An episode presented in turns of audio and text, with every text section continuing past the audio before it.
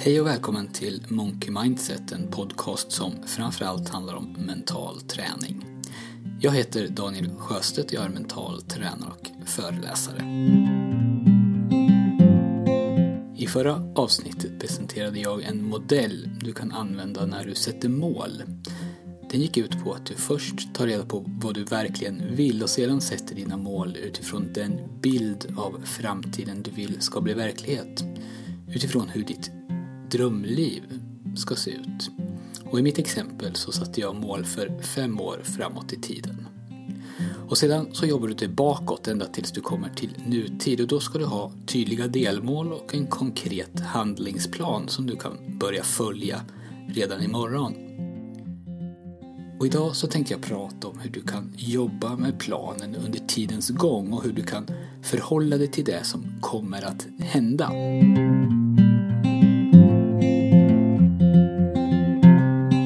Finns några saker du bör ha i åtanke när du jobbar med mål, speciellt om de är stora och utmanande. Det första är att det kommer att gå åt skogen. Du kommer att vilja ge upp och du kommer att råka ut för bakslag. De flesta är inte beredda på det. De har gjort en plan, kanske en ambitiös plan. Och på någon nivå så ser de den då som en karta över verkligheten så som den kommer att utveckla sig under tiden man jobbar mot sitt mål. De har alltså planerat för hur framtiden kommer att bli. Men det här är inte syftet med en plan. Ingen kan se in i framtiden utan din plan är egentligen bara din bästa gissning just nu. Den stakar ut en riktning. Om ditt mål är att lägga ett pussel med 100 000 bitar, då är det lätt att planera att du behöver lägga 1000 bitar per dag om din plan säger att pusslet ska vara klart om 100 dagar.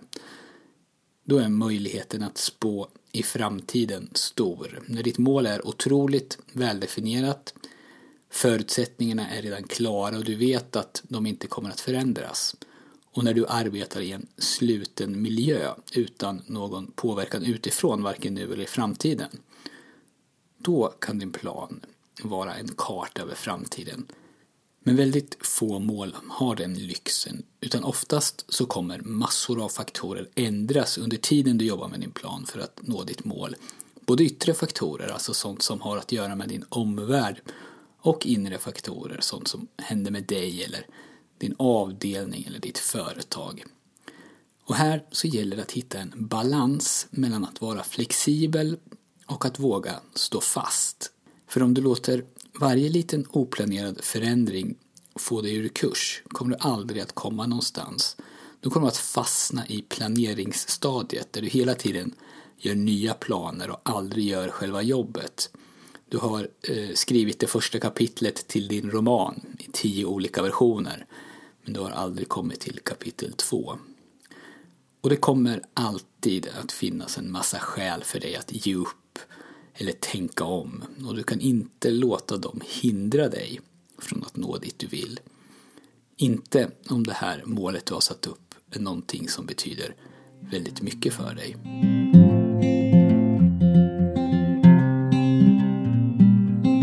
Om du däremot vägrar att förändra dig utan håller fast vid din plan oavsett vad som händer så blir inte det heller bra. Det kanske sker en teknikutveckling som gör att sättet du har planerat att jobba på kan göras helt annorlunda eller mycket effektivare. Eller så är den där verkligheten som du målade upp som drömliv för dig själv inte lika lockande nu som den var för ett år sedan till exempel. Saker och ting händer ju i våra liv som får oss att se annorlunda på saker och ting. Och du och din omvärld förändras ju, som jag sa förut, och du behöver ta hänsyn till det. Du kan hitta den här balansen genom att ta två olika perspektiv på ditt mål. Ta två olika roller.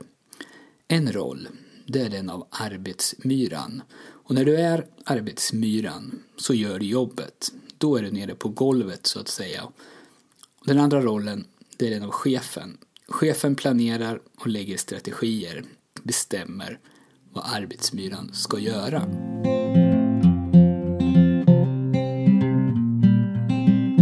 Så chefen gör planerna och arbetsmyran utför dem. Den allra största delen av tiden ska du vara arbetsmyran, alltså bara göra jobbet. Inte analysera eller känna efter och inte ifrågasätta huruvida du gör rätt saker eller om vi ska planera om. I förra avsnittet så gjorde vi ju själva planen och det var chefens jobb. Chefen gjorde en handlingsplan för tre månader. Klart och tydligt så spesades exakt vad som ska göras varje dag. Och nu kliver alltså arbetsmyran in och jobbar. Nu så låter du inte chefen få komma fram. Efter tre månader så kommer chefen tillbaka igen och då tar du på dig den rollen. Kolla vad som har funkat, vad som inte har funkat och så gör du en ny detaljerad planering för de kommande tre månaderna. Och sen tar du på dig rollen som arbetsmyra igen, alltså du kör ner huvudet och bara kör.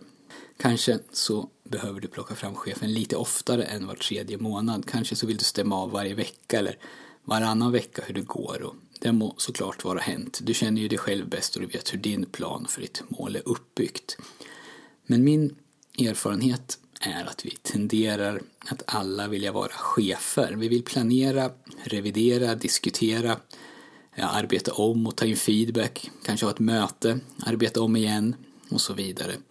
Och få vill ta på sig rollen som arbetsmyra, men det är ju när du tar på dig den rollen som du kommer närmare ditt mål. Det är då du får någonting gjort. Det kanske inte blir helt perfekt och det kommer troligen inte alltid bli så som du har planerat det. Men du rör dig framåt och det är det som på lite sikt är det viktiga.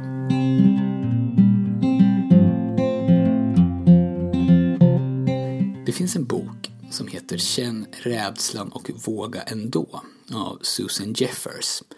I den boken så berättas en historia som jag ganska ofta tänker på. Författaren berättar att flygplan som flyger från en destination till en annan är ur sin exakta kurs ungefär 90 procent av tiden. Den här boken är nästan 30 år, så kanske är det annorlunda idag. Men en pilot eller autopilot arbetar hela tiden med justeringar. Planet glider ur kurs några grader och så justerar man. Ur kurs lite och så justerar man. Och trots detta, trots att planet är ur kurs mycket större del av tiden än den är i exakt rätt kurs, så hamnar ju flygplanet på rätt destination. Så din plan för ditt mål kommer antagligen också vara ur kurs under en stor del av tiden. Men om du bara ser till så att du rör dig framåt så kan du alltid justera så att du till slut hamnar dit du vill. Och om du vet om det här innan och förstår att bakslag och misslyckanden, viljan att ge upp och bara skita i det, det är sånt som kommer att hända. Så är det lättare att hantera det när det händer. Du inser då att det är en del av processen. Det är någonting som nästan behöver ske. Det är i vissa fall en förutsättning för att lyckas. Och de allra flesta ger upp där. När det blir svårt eller när någonting går fel. Då ser de det som att planen har misslyckats. Så de går tillbaka till planeringsstadiet. Mer möten, mer feedback. Och så börjar de om från ruta ett igen och igen och igen.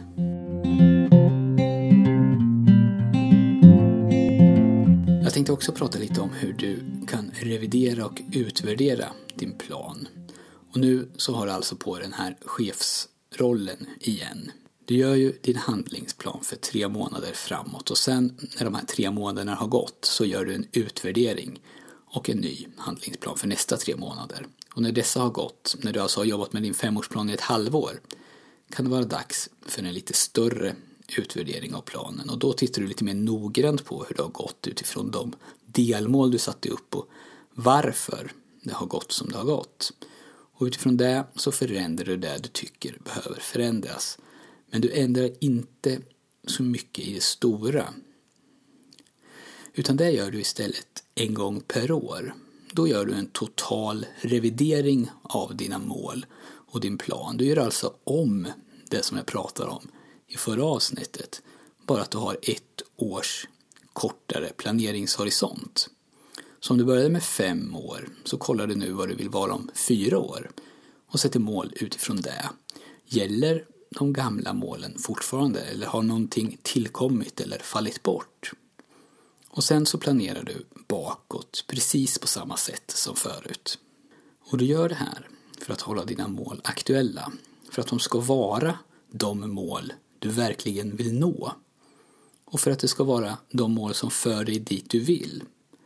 När sen fem år har gått så är chansen nog ganska stor att det liv du har skapat eller de mål du har nått inte är exakt samma mål som du satte fem år tidigare utan att de är lite annorlunda.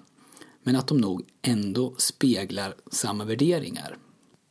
Så du håller alltså dina långsiktiga mål motiverande och aktuella genom att revidera dem en gång per år och du ser till så att det dagliga jobbet blir gjort genom att du har konkreta och tydliga handlingar som du utför varje dag. Och du håller alltså på så sätt ditt mål längst fram i ditt medvetande hela tiden. Det blir inte någonting du gör över en helg och som sedan hamnar i en byrålåda eller i hörnet på en whiteboard och som egentligen inte då förändrar ditt sätt att leva eller jobba någonting. Utan målen, de finns där hela tiden och det är det du jobbar emot. Och samtidigt så försöker du undvika att gå i fällan att ge upp eller börja om när det blir svårt eller känns jobbigt. Och du gör det genom att skilja på dina roller. När du planerar och utvärderar så är du chef, men i vardagen så är du arbetsmyra och då utför du bara det chefen tidigare har planerat. Arbetsmyran går inte in och planerar om verksamheten. Och det är när du har rollen som arbetsmyra du tar dig framåt. Kanske inte alltid i exakt rätt kurs, men du rör dig i rätt riktning och det är det som är det viktiga. Det är därför du kommer att nå dit du vill.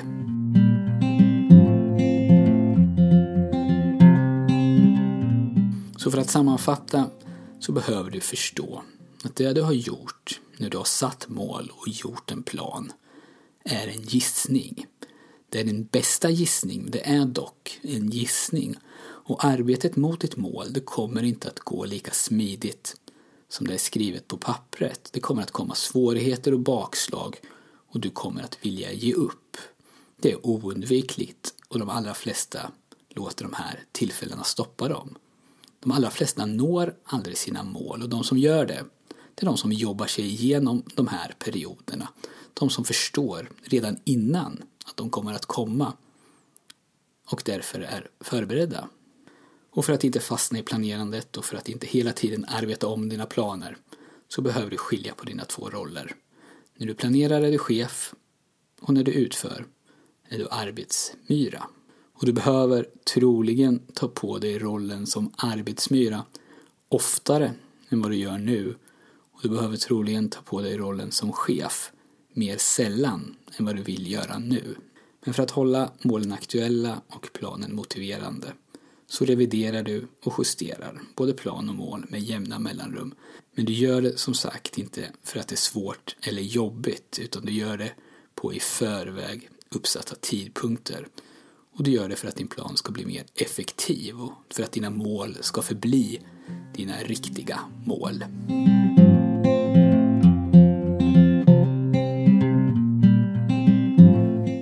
Mitt försök att presentera en metod för hur du kan arbeta med mål. Det finns förstås många fler aspekter som du skulle kunna ta hänsyn till. Och det finns många delar som man i normala fall tar med när man sätter mål som jag inte ens har berört här. Men jag har försökt att ge dig någonting som ska vara så enkelt som möjligt att använda men samtidigt ha potentialen att fungera.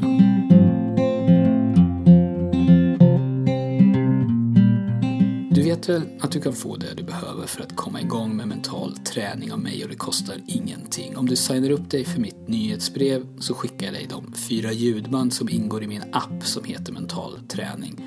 Och ljudbanden heter Slappna av, Gå djupare, Självkänsla och Målbilder.